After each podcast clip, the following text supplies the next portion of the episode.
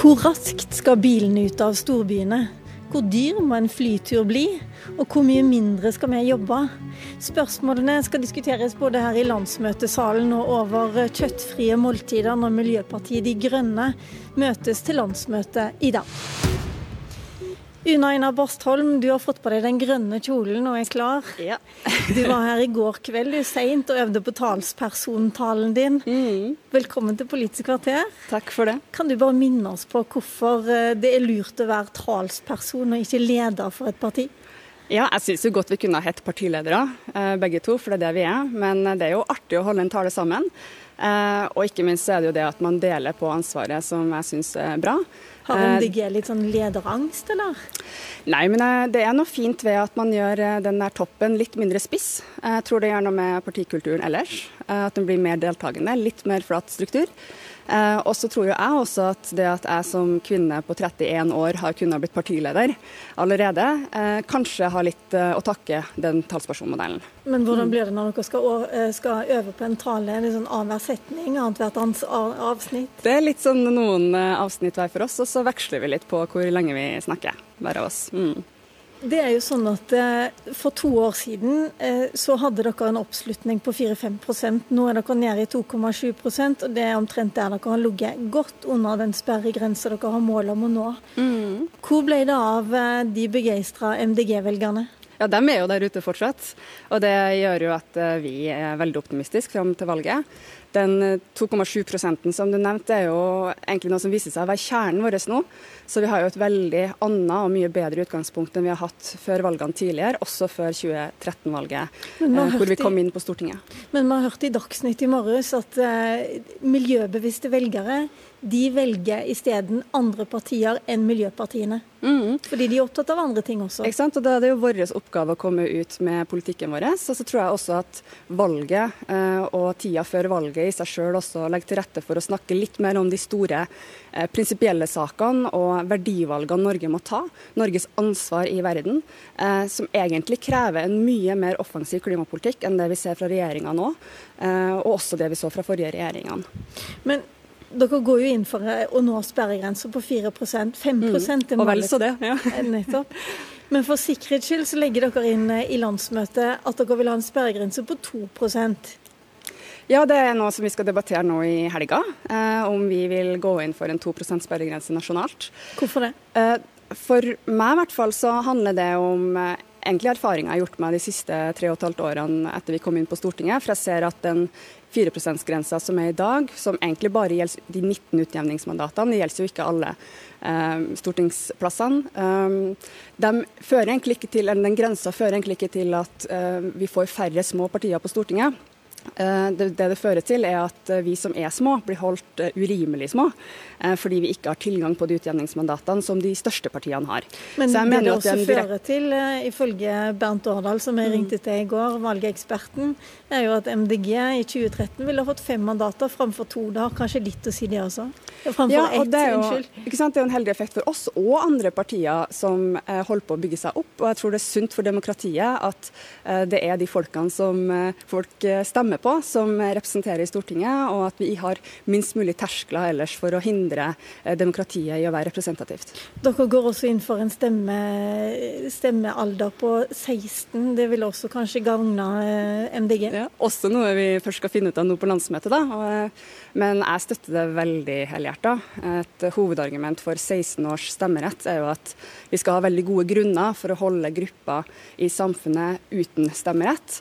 Og jeg ser ingen gode grunner til at de mellom 16 og 18 år ikke skal ha den samme retten som oss andre til å velge sine representanter inn på Stortinget. Eh, og 16-åringer også er jo eh, kan også få straff om de gjør ulovlige handlinger. Eh, og er også, kan man si, ramma av de lovverkene som stortingsrepresentantene stemmer over. Så da syns jeg det er rimelig at de også har muligheten til å stemme frem sine representanter. Selv om de ikke kan kjøre bil, ikke kan drikke alkohol, ikke kan gifte seg? Ja, det mener jeg. For jeg ser ingen grunn til at de mellom 16 og 18 år skal holdes uten stemmerett. Og det må være det som er spørsmålet vårt. Fordi vi skal ha gode grunner som sagt, til å holde gruppa uten stemmerett. Et av de store spørsmålene på landsmøtet her, det er ikke at alle sammen skal ha redusert arbeidstid. Det er hvor mye redusert arbeidstid det skal være, og hvor fort det skal gå. Det ligger inne et mm. forslag nå om uh, å redusere arbeidstida uh, til 30 timers uke, som du, mm. med, som du går inn for. Ja, jeg kommer til å eh, støtte det. Det er ikke jeg som har foreslått det, men jeg er glad det forslaget ligger på bordet nå, sånn at vi kan stemme over det. Og Det er jo da en, en, et forslag som legger opp til en gradvis nedjustering av, av normalarbeidstida. Eh, til 30 timer i uka. Og det skal skje i løpet av ti år, ifølge de mest radikale forslagene? Ja, eh, og så får vi se da om, eh, om det også blir votert over separat, som man kaller det. Altså om kanskje landsmøtet kommer til å ha et mål om eh, hvor mye eh, arbeidsuka skal være etter hvert, uten at vi tidfester hvor fort det skal gå. Og det handler om at vi er ganske opptatt av også å gjøre det her i samarbeid med partene i arbeidslivet. Eh, og ønsker å ta oss den roa også det, det krever. Og nå har jo f.eks. LOs største forbund, Fagforbundet, gått inn for det samme. Uh, og det aller beste er jo om mange krefter i samfunnet ønsker å jobbe for det her samtidig. Og det tror vi kommer til å skje de neste årene. Hva skjer med alle dem som ikke har lyst til å jobbe 30 timer, men som gjerne har lyst til å jobbe 40-50 timer? Ja, jeg f.eks. jobber jo ganske mye. Eh, og det vil jo fortsatt kunne være sånn at man kan jobbe mer, og, og man kan også velge å jobbe mindre ikke sant, med deltid. Men det sier jo ikke dere. Samme... Dere sier jo at alle skal jobbe 30 timer. Nei, vi sier at normalarbeidstida skal ned. Eh, og jeg tenker at det er den neste store arbeidslivsreformen. Uh, vi må liksom spørre oss spørsmålet egentlig når politikkens oppgave er å skape gode liv. Eh, hva betyr det i Norge i 2017, når folk stort sett eh, har penger? Eh, og når de blir spurt, eh, oppgir at det er ikke økt lønn de er mest opptatt av, altså flertallet, men flertallet er opptatt av eh, heller å få mer fritid. Eh, da syns jeg også vi som politikere skal ta det på alvor og se om arbeidsmiljøloven egentlig legger til rette for det. Og Det er det vi skal også debattere på landsmøtet her i helga. Det er jo bare fryktelig dyrt. Dere skal i tillegg fase ut olje, enten i løpet av 15 år eller 20 mm. år. Mm. Alle skal jobbe mindre, altså. Og dere vil ha høyhastighetstog mellom Oslo og Bergen og Trondheim. Og så skal dere gi 1 til bistand, som i dag. Eh, dere vil også gi 1% av bruttonasjonalinntekten til miljø. Hvor mm. skal alle disse pengene hentes? Mm. Altså det som jeg ofte spør meg er eh, hvordan skal det være økonomisk realistisk å fortsette sånn som vi gjør i dag. Fordi vi har jo en eh, veldig oljeavhengig økonomi. Én eh, av ti arbeidsplasser i Norge har jobber knytta til olja. Og Europa holder på å endre seg veldig. Eh, verden har signert en Parisavtale, en klimaavtale, som gjør at det produktet som vi eksporterer, olje, det blir det synkende etterspørsel av. Og det må vi som eh, land eh, som eksporterer det produktet, ta inn over oss. Men desto større grunn til å spørre hvor dere skal hente pengene fra, når dere ikke skal ja, olje heller? Og svaret der er at det aller viktigste er at folk stort sett er i jobb. Eh, det er det som er grunnpilaren i økonomien i en velferdsstat, også om du ser til andre velferdsstater rundt oss som ikke altså har den olja. Men altså mindre jobb enn i dag? Ja, så tror altså jeg man kan mindre skattepenger inn? Det trenger ikke nødvendigvis å bli sånn. fordi at ved at man jobber mindre, så går det også an å dele mer på arbeidet. Og det kan også hende at flere klarer å være i jobb lenger ved at arbeidstida blir kortere. Og så nevnte du den klimaprosenten vår, så, og da er det viktig også å legge til at den er ikke tenkt å ta fra statsbudsjettet. Eh, det er faktisk den aller dyreste posten i programmet vårt, men den skal jo tas direkte fra Statens pensjonsfond utland, fordi vi mener det er på tide at Norge deler litt eh, av den formuen som vi har de 8000 milliardene kronene som Norge nå investerer rundt omkring i verden, og vi for øvrig ikke aner klimakonsekvensen av. Det mener vi er på tide at eh, vi deler av eh, og bidrar til i det grønne fondet til FN, som eh, da skal gå til klimatiltak i fattige land. Men dere skal jo ikke engang ta inn pengene på miljøavgifter og miljøskatter, for de sier dere folk skal få tilbake igjen? Ja, i hvert fall den her ene KAF, som man kaller det, eller eh, klimaavgift til fordeling. Klimabelønningsordninga, som vi har kalt den. Eh, det gjelder transportsektoren og, og, avgifter på bensin og diesel for persontransport. Men ellers så er jo egentlig hovedargumentet mot å bruke miljøavgifter til å drive en velferdsstat f.eks. at miljøavgifter er jo noe man helst ønsker å få mindre og mindre inntekter fra, fordi at det skal være atferdsdrivende eller atferdsdreiende. Så det vil si at Eh, den atferden, eller f.eks. mer miljøfiendtlig atferd, legger man jo avgift på nettopp for at folk skal gjøre mindre av det, og da regner man med mindre inntekter over tid. Eh, så det handler rett og slett litt om å være ansvarlig i den økonomiske politikken. Men utopi er et ord som uh, står i Aftenposten i dag. Du skjønner mm. kanskje hvor det kommer fra? Ja, så tenker jeg om utopi Det virker jo som en sånn stor drømme, drømmefabrikk som skal i gang her nå. Ja, Utopier tenker jeg er utopier så lenge ingen jobber for dem. Og nå har vi et parti som jobber for de utopiene kanskje er, da faktisk klare å dreie den utviklinga globalt, som ikke bare er en skremmende utvikling med klimaendringer, men også stadig flere mennesker på flukt. Hvor vår regjering i dag reagerer med å spre en fryktpolitikk, mener jeg. En politikk som bidrar til at vi gjør Norge mer egoistisk enn vi egentlig er. Eh, vi vil heller at Norge skal ta det ansvaret globalt som vi har. Eh, og vi har muligheten til å ta mye mer ansvar, også ved å ta imot flyktninger som, som trenger vår hjelp. Men dere er ganske strenge med oss også, da. F.eks. så vil dere nå eh, diskutere en, at offentlige kantiner skal ha en kjøttfri dag. Mhm. Hvorfor kan vi ikke bestemme oss det, bestemme det sjøl? Ja, Det er jo egentlig ganske mange også som ønsker kjøttfrie alternativer og ikke har dem eh, i dag. Eh, og de har jo ikke det valget. Men eh, grunnen til det er at eh, det offentlige har et ansvar for eh, både klimautslippene som kommer fra Norge, og der er det dessverre sånn at kjøttforbruket er en stor andel av klimautslippene. Men også handler det om at Helsedirektoratet og altså helsemyndighetene våre anbefaler jo et lavere inntak av særlig rødt kjøtt.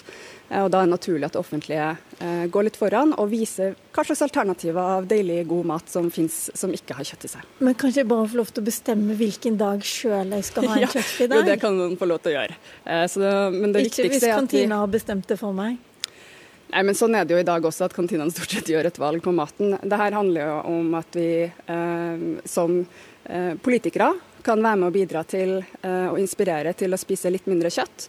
Det viktigste er ikke at alle ikke spiser kjøtt, det viktigste er at man uh, generelt får ned kjøttforbruket i land som Norge, som har, uh, har økt veldig kjøttforbruket de siste årene. Og det fører til klimaendringer, og det fører til en veldig dårlig ressursbruk globalt. Altså Vi beslaglegger jo mye matjord nå, f.eks., til produksjon av protein til dyrene som fôres opp i Norge, som vi spiser. Uh, og Det er dårlig ressursbruk, og i tillegg også krever det veldig mye vannressurser globalt. Så Det er ikke bare vi som mener det, men også FN og FNs matprogram for eksempel, anbefaler jo redusert kjøttforbruk. På andre områder dere er veldig strenge. Det handler jo om dere skal ha mye dyrere flytilbud. Og i tillegg så vil dere redusere biltrafikken med en femtedel i storbyene. Og noen mm. vil til og med redusere biltrafikken med en tidel i distriktene. Hva gjør man i Finnmark i februar eh, hvis man ikke kan ta bilen? Ja, eh, Når det gjelder flyseteavgift først, så er jo det et, eh, faktisk en ordning hvor vi foreslår å skjerme hele Nord-Norge. Men ta Finnmark og bilen istedenfor, du? Ja, og det er jo noe som vi skal debattere i helga. Jeg mener ikke vi trenger å ha en eh, politikk eller en visjon om å redusere biltrafikken eh, utenfor storbyene. Fordi Grunnen til at vi har eh, en aktiv politikk for restriksjon av biltrafikk i byene, er jo rett og slett eh, areal, eh, luftforurensning og det at byene vokser. Og Da er vi nødt til å ha en aktiv politikk for at det skal være lett å velge alternativene. Så du vil skjerme eh, distriktene? Ja, for jeg tror at det viktigste i distriktene, mm. Eh, og for at distriktene skal kunne være med i det grønne skiftet, er at de har et godt eh, f.eks. ladetilbud for elbiler. Når folk først da bytter ut bilen sin, at de kan kjøpe en elbil istedenfor, som har mindre utslipp. Og sånn være med og bidra og være en del av løsninga i det grønne skiftet istedenfor problemet. Til slutt så må vi snakke litt om muligheten til å få gjennomslag. Dere sier dere er blokkuavhengige. Mm. Dere vil samarbeide med alle, bortsett fra Frp. Mm. Du har til og med sagt at uh, dere ikke kan samarbeide med noen som er avhengig av Frp. Jeg mener vi kan samarbeide med Frp fra sak til sak, men eh, vi har bestemt oss for at vi ikke vil støtte en regjering med Frp. Og så kan jeg vanskelig se for meg at en regjering som er avhengig av Frp sin støtte, eh, vil være en regjering vi eh, får mye igjen for å forhandle med. Men vi har ikke kategorisk avvist det. det da har dere vel egentlig avvist en sentrum-høyre-regjering? Ja. Kanskje, men det kommer jo an på hva velgerne stemmer på. og Det er jo det som er så flott med å leve i et demokrati, at det er opp til velgerne, og mye kan skje fram mot valget i september. Eh, vi tror jo at vi f.eks. kommer til å vokse mye frem til 11.9, fordi det har vi gjort eh, de siste gangene på denne tida før valg. Eh, og vi har et veldig godt utgangspunkt nå med å ligge oppunder 3% Men først så skal dere gjennom et landsmøte. Lykke mm. til, Una, Una Bartholm. Tusen hjertelig takk. Takk, takk for praten. Politisk kvarter i dag var ved Lilla Sølhusvik.